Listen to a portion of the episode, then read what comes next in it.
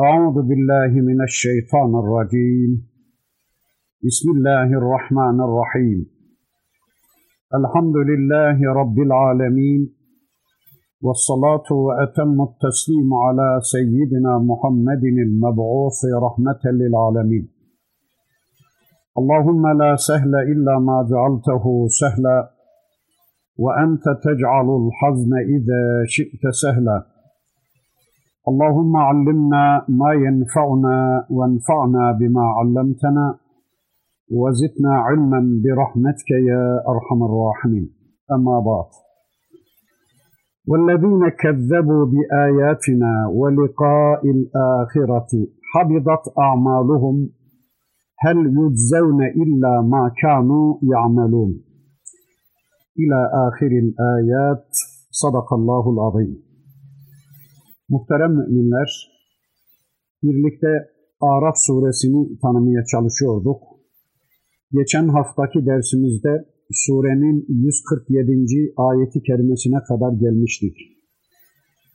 İnşallah bu haftaki dersimizde de okumuş olduğum bu 147. ayeti kerimesinden itibaren tanıyabildiğimiz kadar surenin öteki ayetlerini inşallah tanımaya çalışacağız. Bugün okumuş olduğum 147. ayeti kerimesinde Rabbimiz şöyle buyurur. وَالَّذ۪ينَ كَذَّبُوا بِآيَاتِنَا وَلِقَاءِ الْآخِرَةِ حَبِضَتْ أَعْمَالُهُمْ هَلْ يُجْزَوْنَ اِلَّا مَا كَانُوا يَعْمَلُونَ Ayetlerimizi ve ahirete kavuşmayı yalan sayan kimselerin işleri, tüm işleri boşa gitmiştir.'' Onlar işlediklerinin karşılığından başka bir şeyle mi cezalanırlar? Evet, ayetlerimizi ve ahiretteki randevuyu, ahiretteki buluşmayı yalan sayanların tüm amelleri boşa gitmiştir. Çünkü Allah'ın ayetlerini ve bu ayetlerin haber verdiği ahiretteki hesabı kitabı yok farz eden yalan sayan insanların elbette ki hayat programlarını ahiret inancına bina etmeleri mümkün değildir. Onlar tüm hesaplarını dünya adına dünyada bitecek bir anlayışa bina ettikleri için zaten yaptıklarının hepsi boş ve dünyada kalıcı olacaktır. Onların amellerinin hiçbirisi ahirete intikal edecek değildir. Elbette bu insanlar da dünyada bir şeyler yapıyorlar, ter döküyorlar, binalar kuruyorlar, yatırımlar gerçekleştiriyorlar, harcamada bulunuyorlar. Ama unutmayalım ki Allah için olmayan, Allah adına sonunda mükafat beklenmeden yapılan tüm ameller boştur. Allah adına yapılmayan hiçbir amel değerlendirilmeye tabi tutulmayacaktır. Allah böylelerinin amellerine asla değer vermeyecek ve onlar için terazi, mizan vaz etmeyecektir. Ama şurası da bir gerçektir ki onlara asla zulüm de edilmeyecektir. Onlara hiçbir zaman haksızlık da yapılmayacaktır. Onlar kendi amelleriyle, kendi yaptıklarıyla cezalandırılacaklardır. Bu adamlar dünyada kendi kendilerine, kendi zamanlarına, kendi azalarına zulmettikleri için kendilerini Allah'a kulluk ortamından çıkarıp ya kendi heva ve heveslerine ya da Allah'tan başkalarına kulluk ortamında tuttukları için yani kendi kendilerine yazık ettikleri, kendilerini boşa harcadıkları için yaptıklarının karşılığı kendilerine gösterilecektir. İşte böyle kimseler için Rabbimizin adaleti böylece gerçekleşiyor anlıyoruz. Çünkü adamlar dünyada Allah için Allah'la bağlantılı olarak hiçbir şey yapmadılar. Eğer başkaları için bir şeyler yapmışlarsa e, zaten bunun karşılığını dünyada almışlardı. alkış, makam, koltuk, şöhret, teveccüh, para, pul için yapmışlardı yaptıklarını. Zaten dünyada aldılar bunun karşılığını. Ya da yaptıklarını putlar için, tağutlar için, efendileri, ağaları, patronları, çevreleri, yönetmelikleri, adetleri, töreleri, modaları için yapmışlardı. Eh, verebileceklerse mükafatlarını gitsinler, onlardan istesinler. Bizler dünyada sizlerin hatırınıza çırpınmıştık. Sizin adınıza bir hayat yaşamıştık. Haydi bize cennet verin desinler onlara. Evet bu insanlar gösteriş için çırpındılar. Hayranlarını çoğaltmak için çırpındılar. İnsanlar bizden söz etsinler. İnsanlar bize değer versinler. İnsanlar bizi konuşsunlar ve bizi alkışlasınlar dediler. Ve milyarlarca hayran buldular kendilerine. Salonlarca alkış buldular. İnsanlar kendileri önünde saygıyla eğildiler. İnsanlar kendileri önünde kendilerinden geçtiler. Kendilerini takdir edip alkışladılar. Dünyada istemedikleri kadar şanlara, şöhretlere ulaştılar. Para için yaptılar, istemedikleri kadar paralar aldılar. En zengin biz olalım. İnsanlar sofralarında bizi konuşsunlar diye çırpınıyorlardı. Allah onlara bu istediklerinin kapılarını açıverdi dünyada. İstedikleri her şeyi elde ettiler. Dünyada tüm ecirlerini, tüm mükafatlarını bitirdiler de ahirete hiçbir şey bırakmadılar. Kimileri de dünyada Allah'a ve Allah'tan gelenlere düşmanlık yapmak istiyordu. Dilini Müslümanlara çatmada kullanıyordu. Allah yasalarına kim kusmak istiyordu? Allah onlara da tattırdı bunu. Halbuki mümin tüm hayatını Allah için yaşayan, tüm yaptıklarını yarın Allah huzurunda vereceği hesaba kitaba bina eden kişidir Yani yaptığı her şeyin bir gün hesabını vereceği inancı içinde yaşayan kişidir mümin. Ondan sonraki ayeti kerimesinde Rabbimiz yine İsrailoğullarının sapmalarından söz etmeye devam edecek.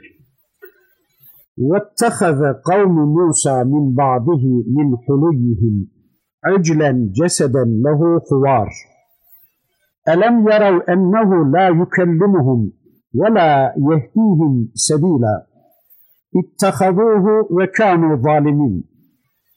Musa Aleyhisselam'ın ardından milleti zinet takımlarından canlıymış gibi böğüren bir buzağı heykeli yaparak onu ilah edindiler.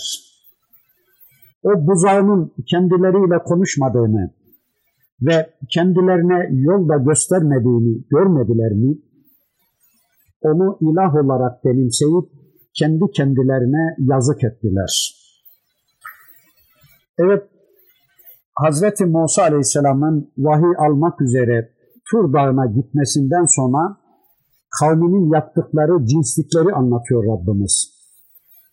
Bundan önce Rabbimizin bize haber verdiğine göre bu adamlar Kızıl Denizi geçer geçmez puta tapan bir kavim görmüşlerdi de gözlerinin önünde Firavun'un kırbacı canlanmış veya ayının gözleri önünde canlanan sıcak saç gibi onların gözlerinin önünde de şartlandırıldıkları Firavun eğitimi canlanmış ve Musa Aleyhisselam'dan kendilerine bir put yapmasını istemişlerdi. Burada da yine Musa Aleyhisselam'ın 40 gün kadar kendilerini Sina çölünde terk etmesi sonucunda buzağıya tapınmaları anlatılıyor.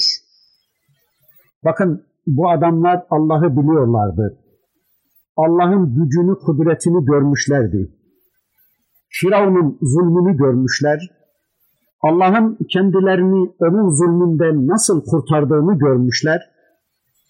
Denizin yarılıp kendilerinin sağ salim karşıya geçerlerken düşmanlarının nasıl denizde boğulduklarını gözleriyle görmüşler. Peygamberi tanımışlar, peygamberin ne için ve nereye gittiğini bilmişlerdi ama yine de zalimliklerini ortaya koyuyorlardı. Dediler ki nereye gitti bu Musa? Eğer bir Allah aramaya gitmişse birlikte arasaydık. Hayır hayır bizler onun yokluğuna asla dayanamayız. Onsuz biz kime sığınacağız? Onsuz hayatımızı neyle dolduracağız? Olmaz. Biz onsuz yapamayız, edemeyiz diyerek yanlarındaki mücevherlerini eriterek buzağı şeklinde bir put yapıp peygamberden boşalan hayatlarını onunla doldurmaya kalkıştılar. Allah onları ineğe tapınmaktan kısa bir süre önce kurtardığı halde onlar tekrar buzağıya dönerek zalimlerden oldular. Bir de üstelik dikkat ederseniz bunlar ineğe de tapamıyorlardı. Çünkü Mısır'daki efendileri ineğe tapıyorlardı. Bunlar hala köleliği işlerinde taşıdıklarından efendilerinin taptıklarına tapamıyorlar da ineğin küçüğüne yani buzağıya tapınmaya çalışıyorlardı. Çünkü inek egemen güçlerin, efendilerin tanrısıydı. Köleler ise daha küçüğüne tapabileceklerdi.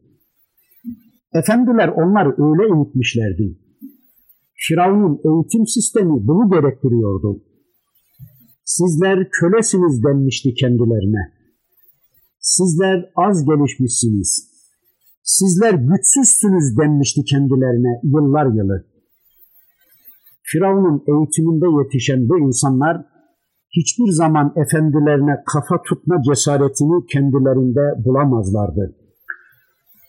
Onların yaptıklarını yapma cesaretini de asla kendilerinde bulamazlardı. Onlar için hayat daima efendilerini taklit ve efendilerinin yolunda olmaktı. Efendilerinin yaşadıkları bir hayata yüz yıl sonra ulaşmak bile onlar için bir şerefti. İşte bundan dolayıdır ki efendilerinin kendilerini göremeyecekleri kadar onlardan uzaklaşmış olmalarına rağmen yine de aldıkları bu eğitimin etkisiyle e ne yapalım büyükler büyüğe tapar biz küçükler de ancak ineğin küçüğüne tapabiliriz diyorlardı. Bir de dikkat ederseniz buzağı zinet eşyasından yapılıyor. Bugün de bakıyoruz zinet eşyalarının altının, gümüşün, paranın putlaştırıldığını görüyoruz. Bugün de insanlar adeta bunlara tapınıyorlar.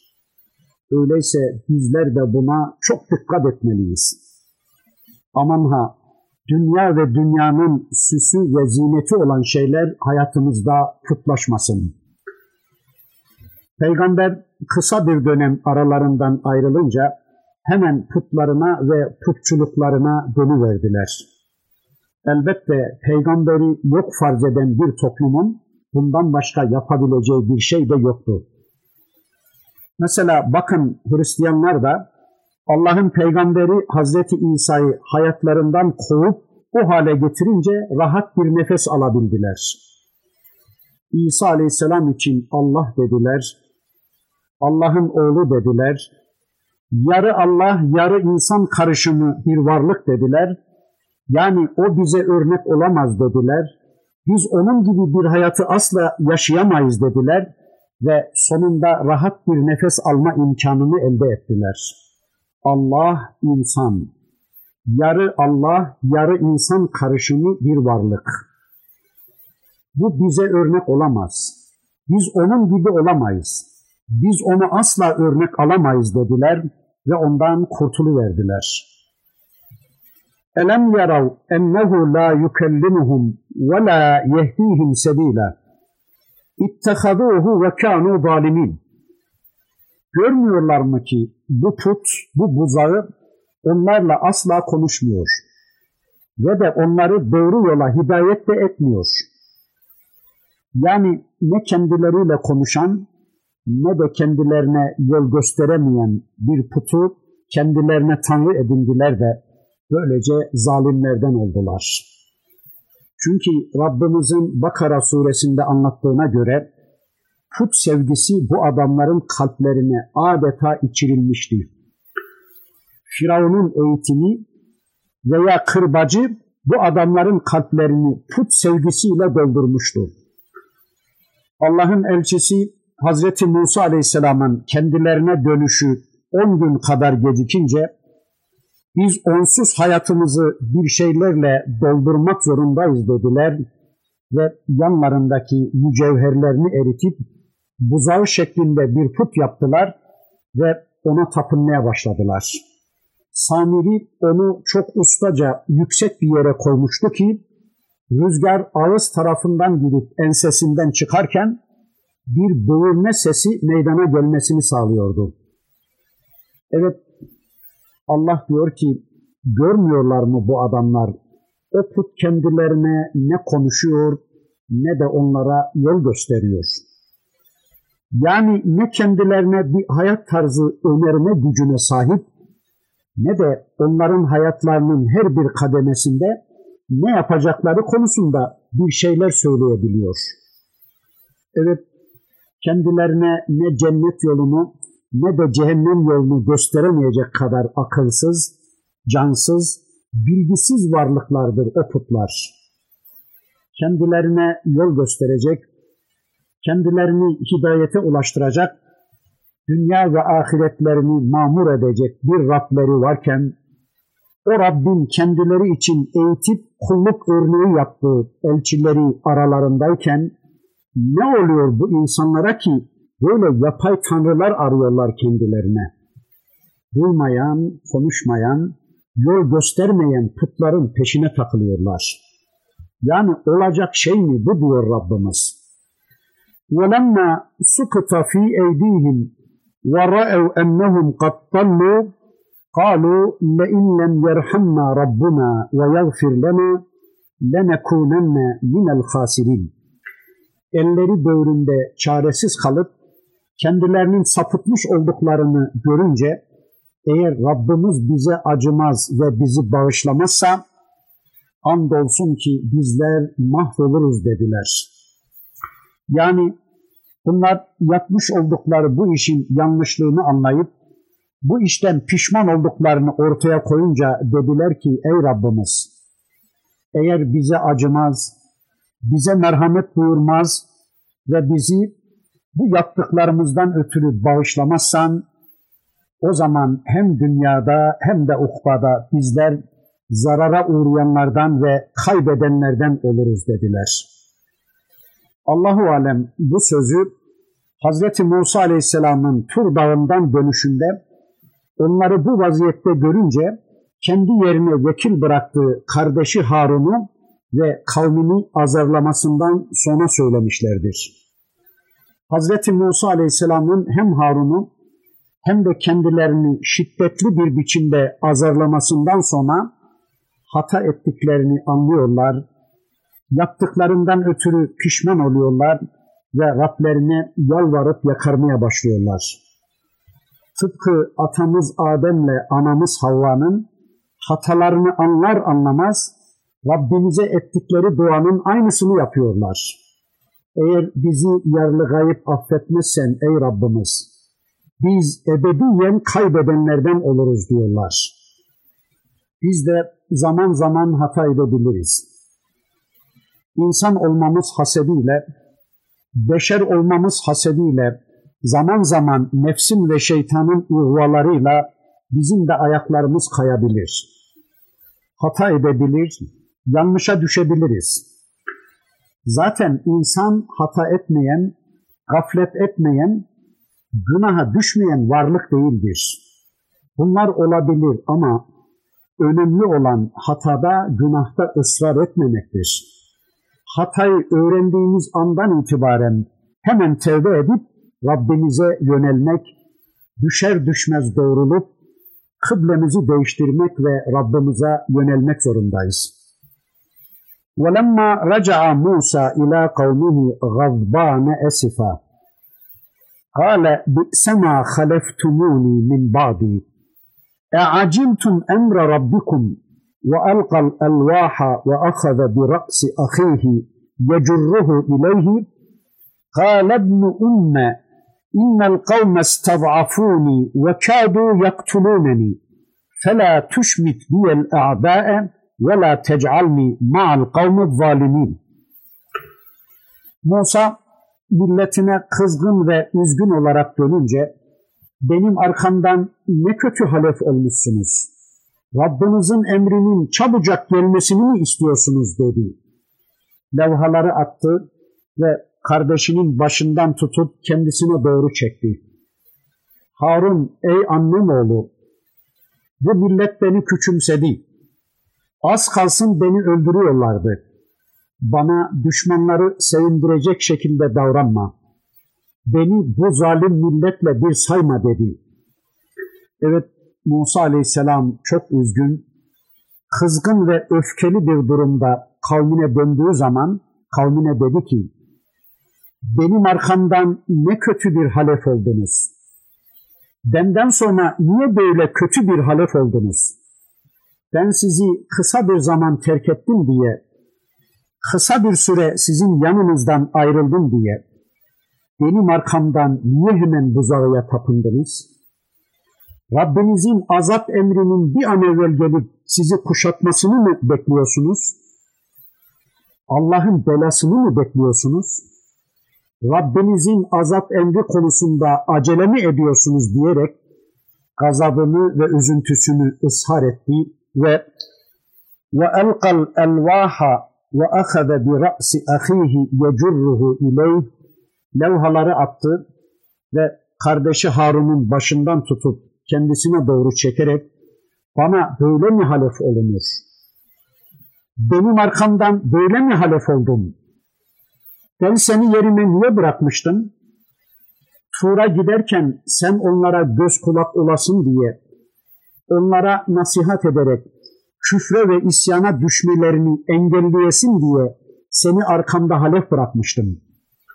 Sense benim yerime ne kötü halef oldun Bana ne kötü halifelik yaptın. Bu kavminin buzağıya tapınmalarına, şirke düşmelerine göz yumup müsaade ettin diyerek kardeşi Harun'a çıkışmaya başladı. قال ابن أم إن القوم استضعفوني وكادوا يقتلونني فلا تشمت بي الأعداء ولا تجعلني مع القوم الظالمين Harun aleyhisselam diyor ki ey anam oğlu bu millet beni küçümsedi. Kavmin beni zayıflattı. Az kalsın neredeyse beni öldürüyorlardı. Düşmanlarımın gözleri önünde beni rezil etme. Bana düşmanları sevindirecek şekilde davranma. Ve sakın beni bu zalim milletle bir sayma dedi. Beni zalimlerle beraber kabul etme. Beni bu zalimlerle aynı kefeye koyma. Benim bunlarla da yaptıkları bu şirkleriyle de uzaktan ve yakından bir ilgin, alakam yoktur diyordu. Evet, Harun aleyhisselam, ey annemin oğlu diye söze başlayarak Musa aleyhisselamın kardeşlik duygularını tahrik edip devreye sokuyordu. Ey annemin oğlu, beni kınama, benim bu konuda gücüm yetmedi.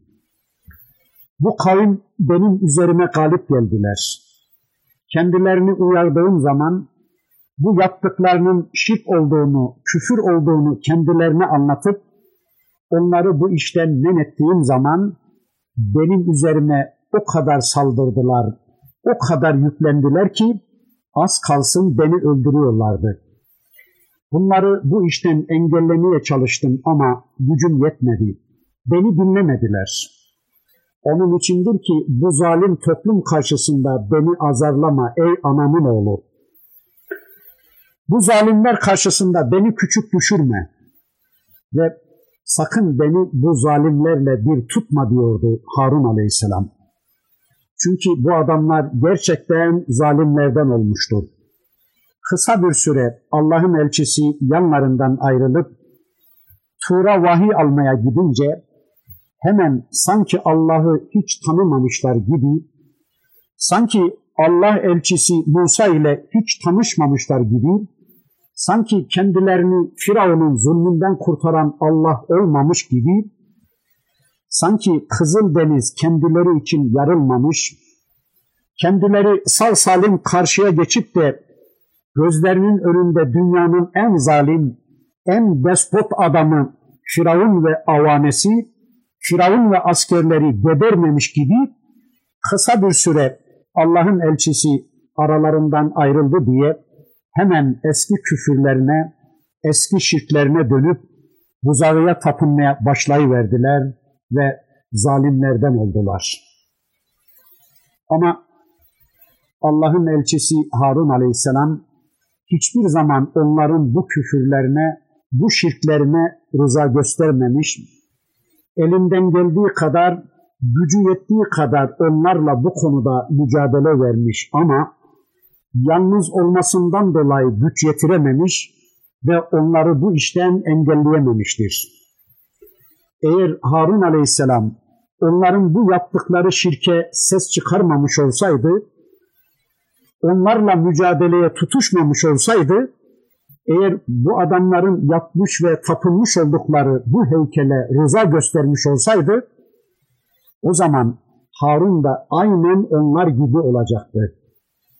Onlarla aynı kefede, aynı konumda olacaktı.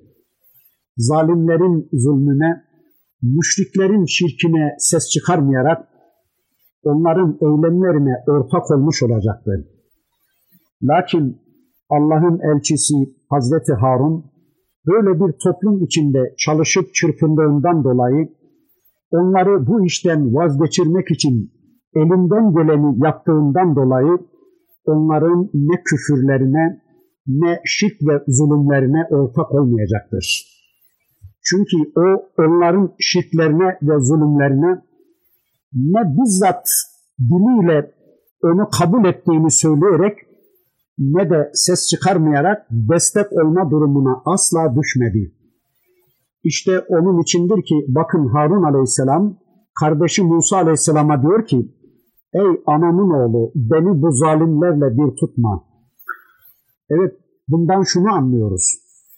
Eğer bir toplumda bir zulüm varsa, eğer bir toplumda şirk varsa, küfür varsa, ahlaksızlık ve haksızlık varsa, ve eğer o toplumun üyeleri olan bizler toplumdan bu küfrün, şirkin ve zulümlerin kalkması, kaldırılması adına ciddi bir çalışmanın, bir mücadelenin içine girmiyorsak, eğer karşı çıkmıyor, tavır almıyorsak, susmayı tercih ediyor, sineye çekiyorsak, bilelim ki onların küfürlerinin, onların şirklerinin ve zulümlerinin tümüne bizler de ortağız demektir.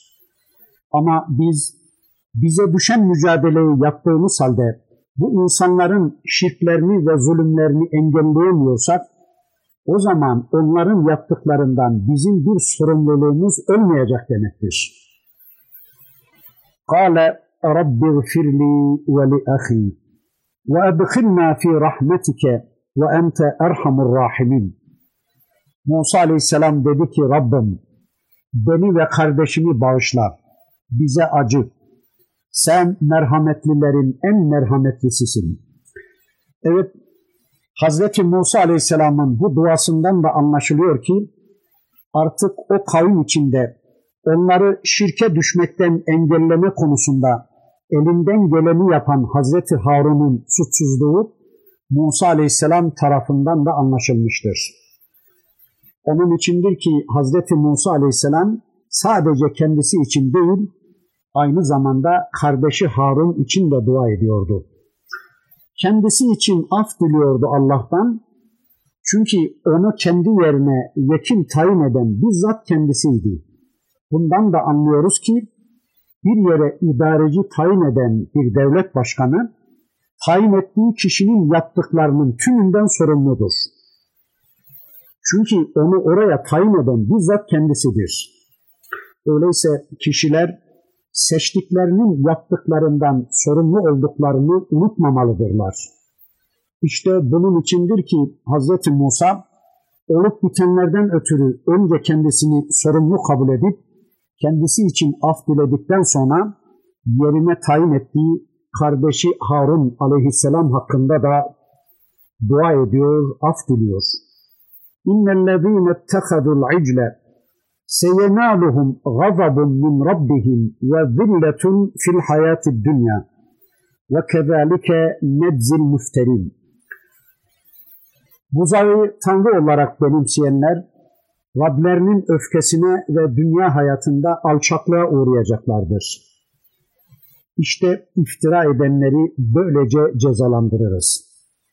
Evet, o Allah'ı bırakıp da buzağıya tapınanlar, buzağıyı kendilerine Rab edinenler, heykelleri Rab ve ilah kabul edenler, bu putların arkasında kendi egemenliklerini, kendi heva ve heveslerini, kendi düzenlerini putlaştıranlar, kendi yasalarını Allah yasalarının önüne geçirenler, kendi sistemlerini vahyin yerine ikame edenler, bunlarla toplumlara yön vermeye, toplumların hayatlarını düzenlemeye çalışan kimselere Allah'tan bir gazap gelecektir.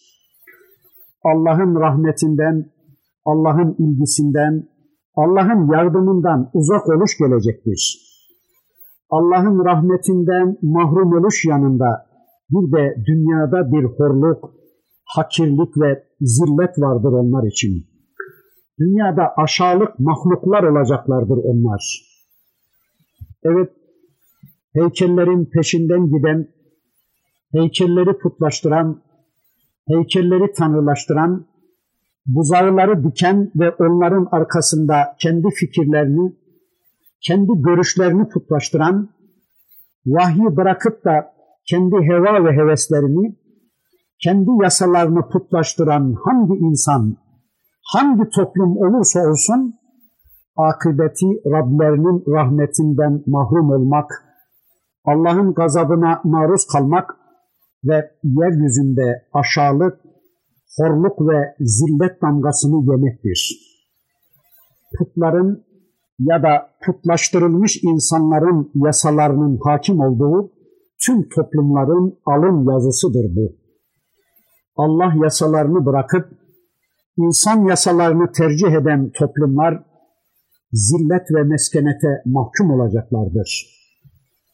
Kesinlikle izzetlerini ve şereflerini kaybedecekler, şahsiyetleri silinecek, kimlikleri kalmayacak, tarihleri kaybolacak, kültürleri, inançları yok olacak, kendi varlıklarını bile koruyamayacaklar ve yeryüzünde güçlü toplumların kulu kölesi olmak zorunda kalacaklardır.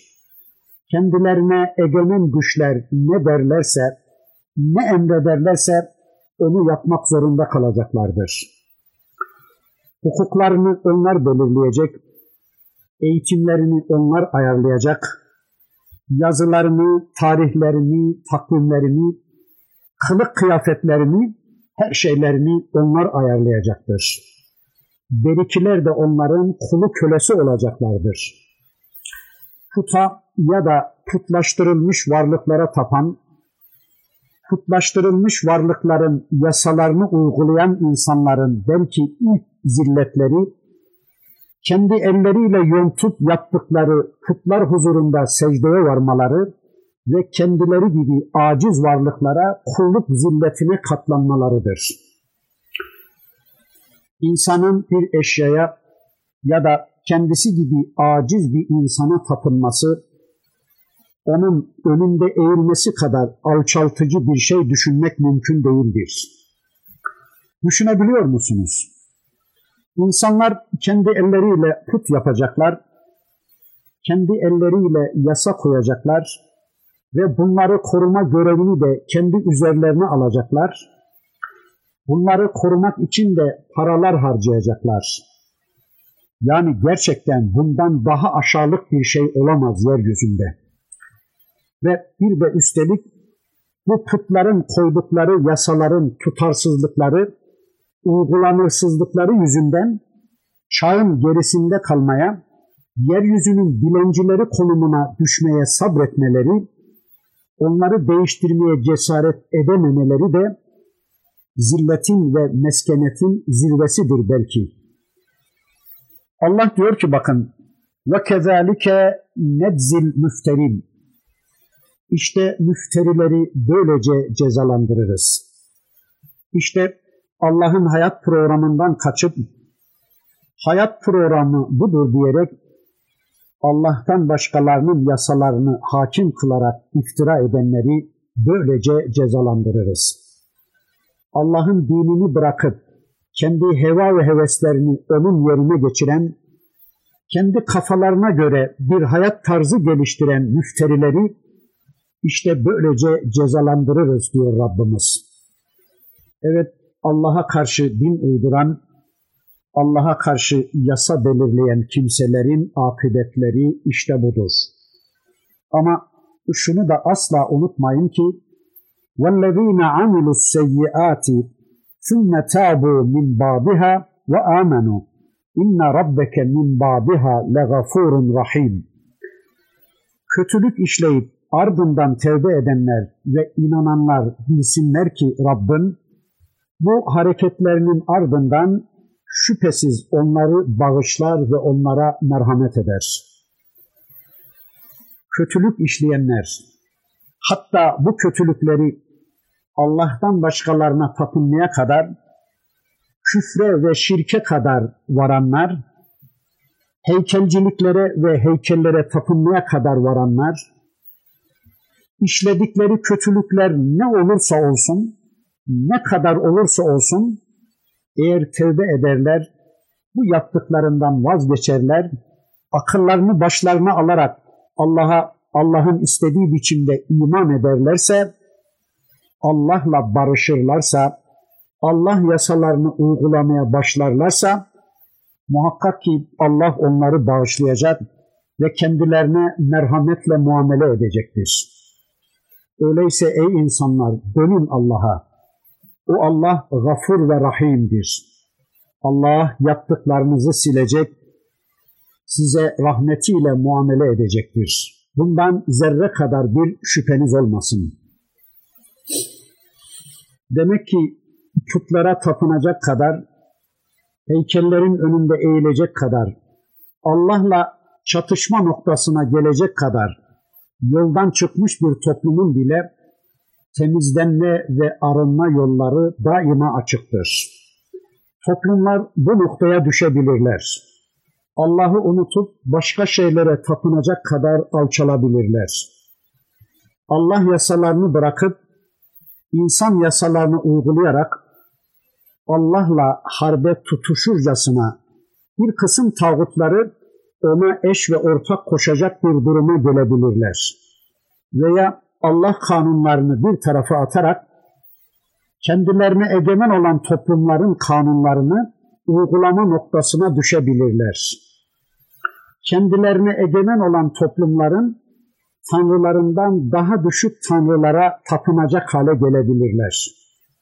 Ama bilelim ki ne yaparlarsa yapsınlar, hangi duruma düşerlerse düşsünler, tevbe kapısı her zaman için açıktır onlara. Yeniden Allah'a dönebilme, yeniden Allah'ın kitabına dönebilme imkanları her zaman mevcuttur. Böylece yeniden Allah'ın affına, Allah'ın merhametine ve nimetlerine ulaşma imkanları olabilecektir. Evet, Allah bu kadar gafur ve rahimdir. Yalnız unutmamak lazımdır ki Rabbimizin affına layık olabilmenin şartları vardır. Ayeti kerimenin ifadesine göre tevbe edilecek, yaptıklarımıza son verecek, kıblemizi değiştirecek, hayat programımızı değiştirecek, sonra da durumumuzu düzelteceğiz. O zaman bilelim ki Rabbimizin affedemeyeceği hiçbir günah yoktur.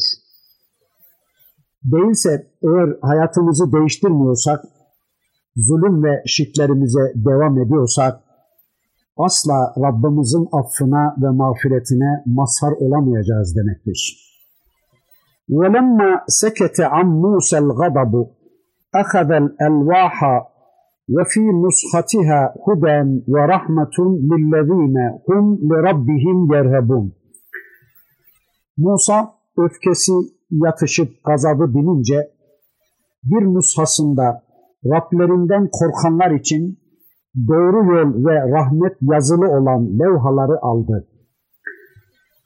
Evet Musa Aleyhisselam'ın gazap ve öfkesi dinince yani sakinleşip o hal kendisinden geçince yani az evvel Musa Aleyhisselam'a hükmeden gazap hali gidip yerine sükunet hali gelince çünkü az evvel Musa Aleyhisselam'a hükmeden ona kavmine kız, kardeşinin başından tutup onu salla, levhaları elinden at diyen gazaptır.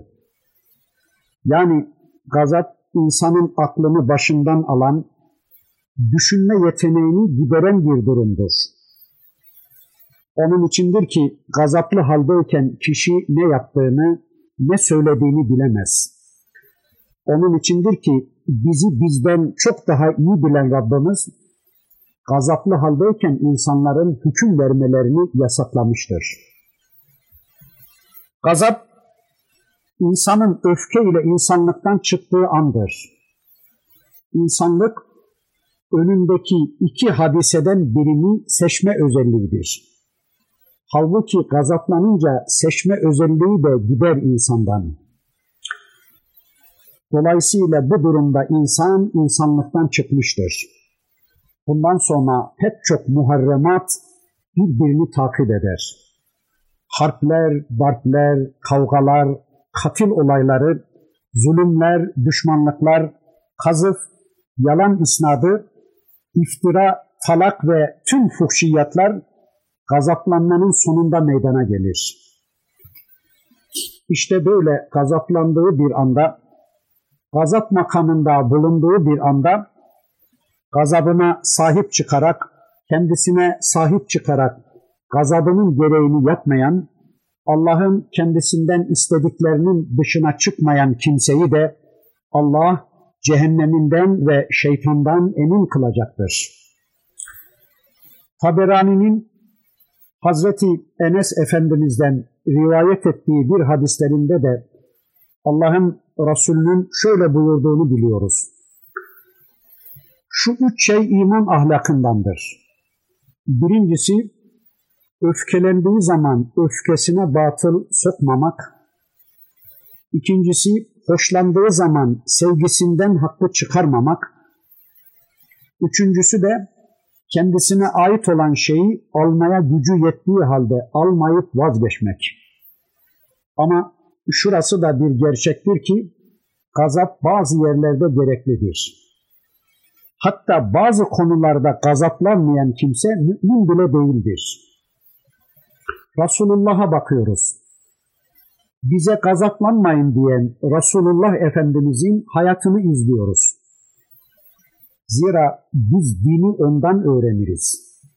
O ne yaptı, nasıl yaptıysa, ne dediyse ne dememizi ve nasıl dememizi istemişse, ne yapmamızı ve nasıl yapmamızı istemişse, işte bizim ölçümüz odur. Bakıyoruz ki, demin de ifade ettiğim gibi Allah'ın Resulü nefsi adına, şahsı adına hiç gazaplanmamış.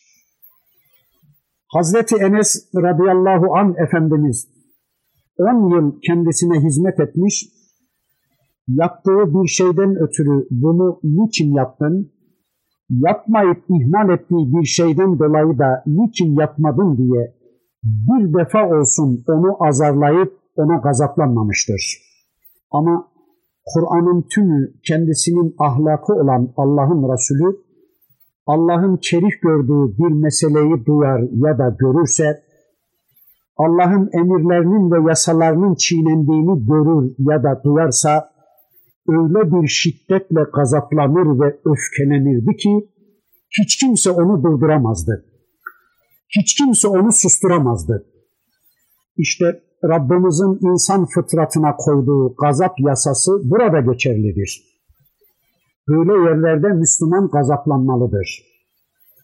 Diniyle alay edildiğini, Allah'ın ayetleriyle, Allah'ın şeriatıyla alay edildiğini gördüğü yerde bir Müslüman yerinde duramaz hale gelip alaycıların beyinlerinde patlayacak bir bomba gibi gazaplanması gerekmektedir. Veya Allah düşmanlarının suratlarında patlayacak bir şamar gibi gazaplanması gerekmektedir. Zaten böyle durumlarda gazaplanmayan bir kimsenin Müslümanlığından da şüphe edilir. Gözlerinin önünde Allah'ın emirlerinin çiğnenmesi karşısında gazaplanmamak zilletin ta kendisidir. Hatta İmam Şafii Efendimiz kızılması gereken bir durum görüp de kızmayan kimsenin eşek olduğunu söyler. Evet Allah'ın gazabının olduğu yerde Müslüman da gazaplanmak zorundadır.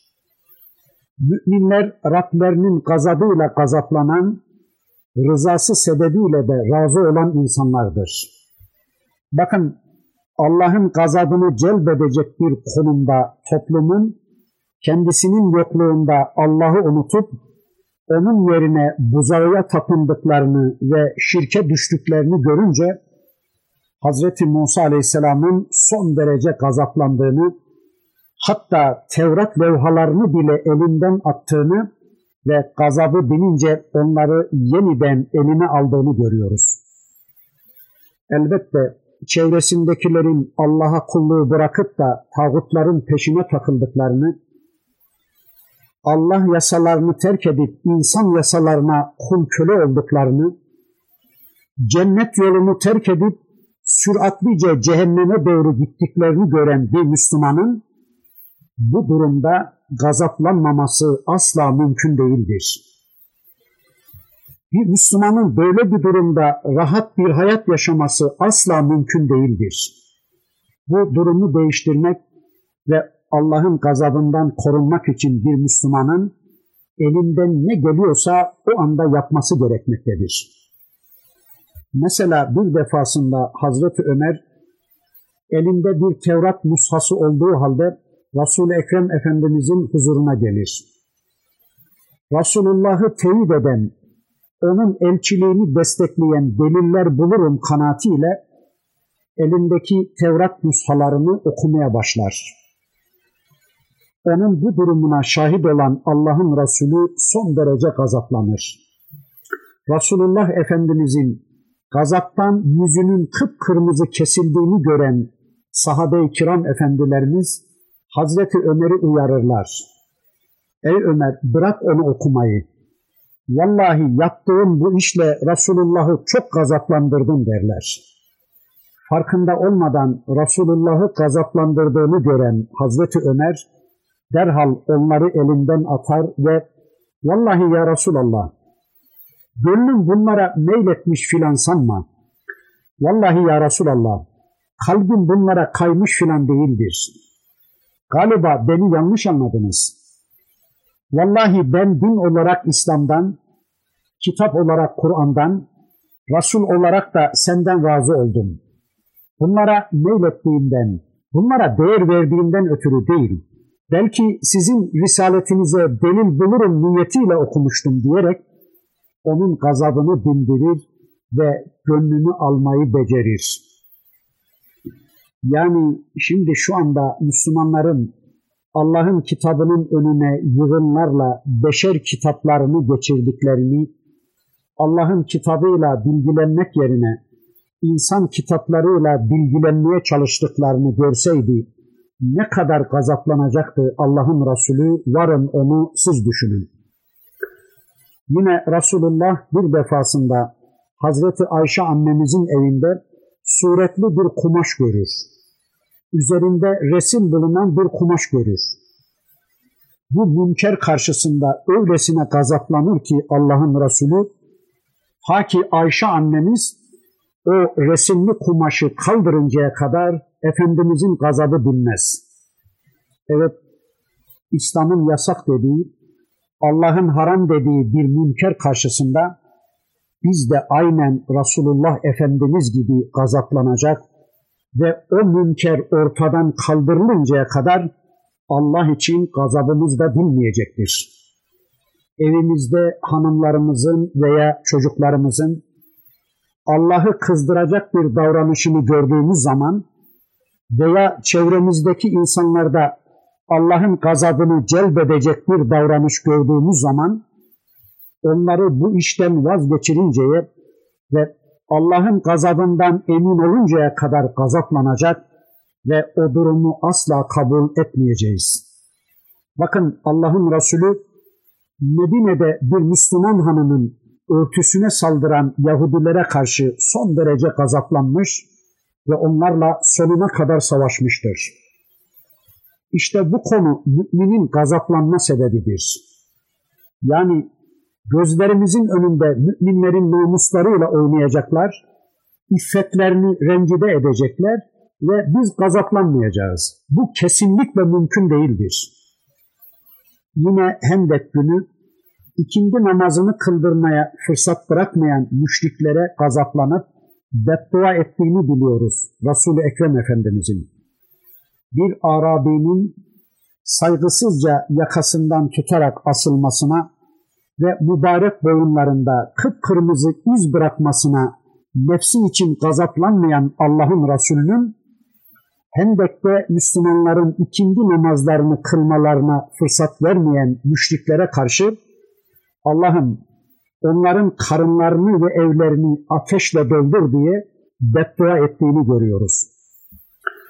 Öyleyse bizler de Müslümanları namazdan engelleyen her şeye gazaplanıp lanet okuyacağız. Mesela namazı engelleyen şu andaki materyalist eğitim sistemi midir? Namazı engelleyen şu andaki hayat programı mıdır? İnsanlar mıdır?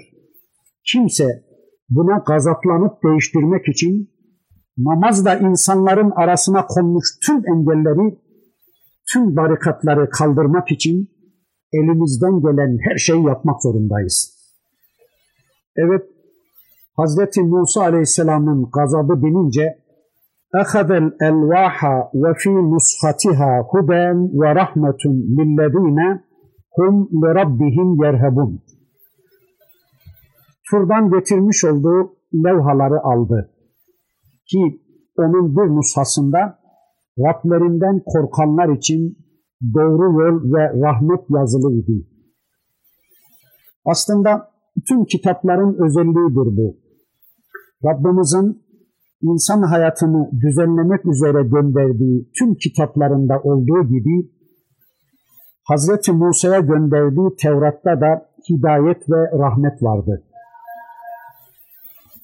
Yani o kitap, tüm kitaplar insanların hayat programı olarak onları hem dünyada mutlu etmek hem de onları cennete ulaştırmak özelliğine sahiptir. Ama tabi Rablerinden korkanlar, Rablerine, Rablerinin istediği biçimde iman edip onunla, onun kitabıyla yol bulmaya koşanlar için. Bakara suresinde Huden lil müttakin, müttakilerin kılavuzu, mihmendarı, yol göstericisi olarak tarif buyurulan kitap En'am suresinde de vahuden linnas insanların tamamı için hidayettir diye kendisini tanıtır.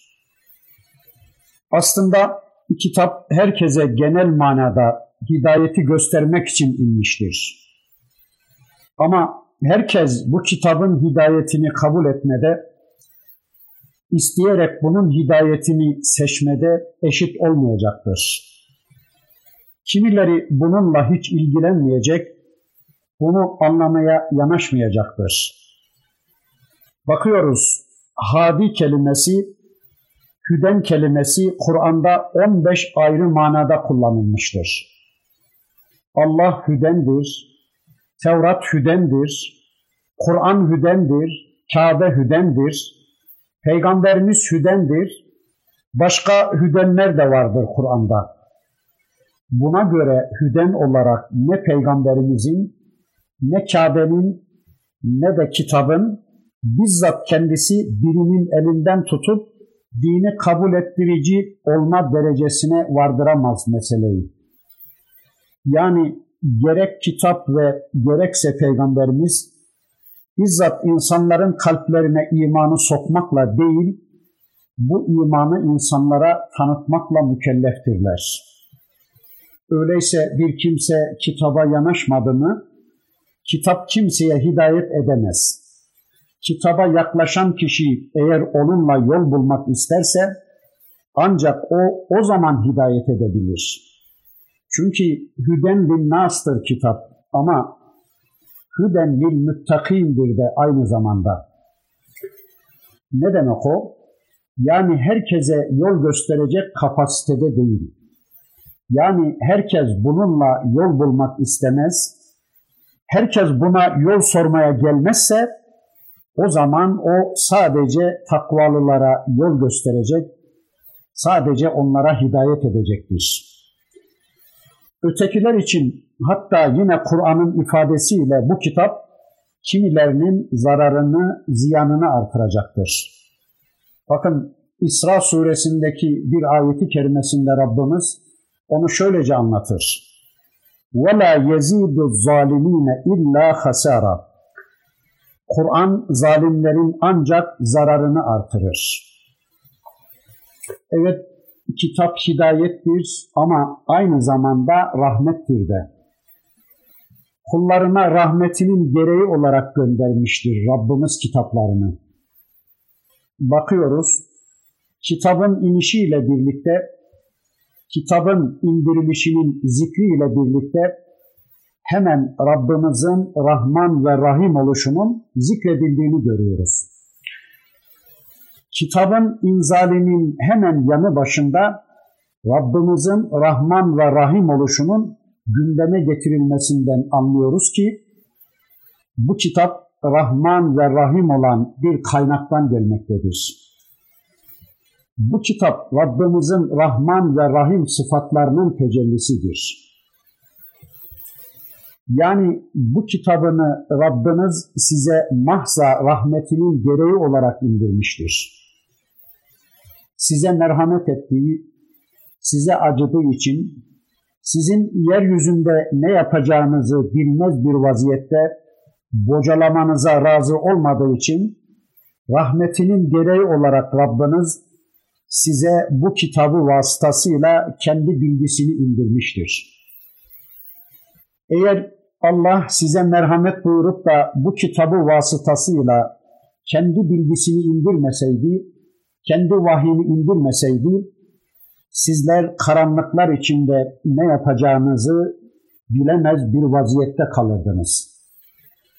Evet o Rabbiniz ki rahmeti gereği sizi yaratan, sizi yoktan var eden, yaratılış öncesi sizin için dünyada her şeyi hazırlayan, sizin için tüm şartları hazırlayıveren, yaratılış sonrası için de size rızık verip sizi doyuran, sizi yaşatan ve bir de hayatınızı düzenlemeniz için size kitap gönderen Rabbinizdir.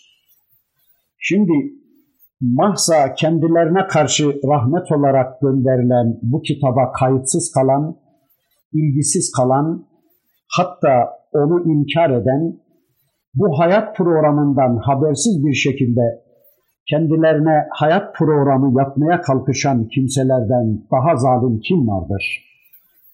Kendilerini bu kitaptan, bu kitabı da kendilerinden uzak tutan insanlardan daha zalim kim olabilir? Rableri kendilerine acıdığı için karanlıklarda kalmasınlar diye bir hayat programı gönderiyor, kendilerini muhatap kabul edip kendi bilgisini gönderiyor onlara. Onlarsa bu rahmet kaynağına karşı ilgisiz kalarak kendilerini Rablerine kulluk ortamından uzaklaştırarak başkalarına kulluğa koşuyorlar. Bundan daha büyük bir zulüm olur mu? Bundan daha büyük bir nankörlük olur mu? Evet, bu kitap rahmet kaynağı olan kullarına karşı sonsuz rahmet ve merhamet sahibi bir Allah'tan gelmiştir. kullarına rahmetinin gereği olarak bu kitabını göndermiştir Rabbimiz. Bu kitabın gelişi sadece bu kitaba iman edenler için değil, tüm alemler için bir rahmettir. Sadece bu kitaba iman edip onunla amel eden, bu kitabı kendisine hayat programı yapan müminlere değil, aynı zamanda bu kitabı reddedip onunla diyalog kurmaya yanaşmayan insanlar için de rahmettir bu kitap. Hatta sadece insanlar için değil, aynı zamanda tüm canlılar için de bir rahmettir bu kitabın gelişi. Bundan sonra Rabbimiz yine Hazreti Musa Aleyhisselam'ın toplumuyla ilgili bir başka konuyu gündeme getirecek. Ama vaktimiz doldu. İnşallah bu hafta burada kalalım. Surenin bundan sonraki ayetlerini tanımak için önümüzdeki hafta tekrar bir araya gelmek üzere Allah'a emanet olun. Subhaneke Allahumma ve bihamdik. Eşhedü en la ilahe illa ente estağfiruke ve etubu ileyk. والحمد لله رب العالمين.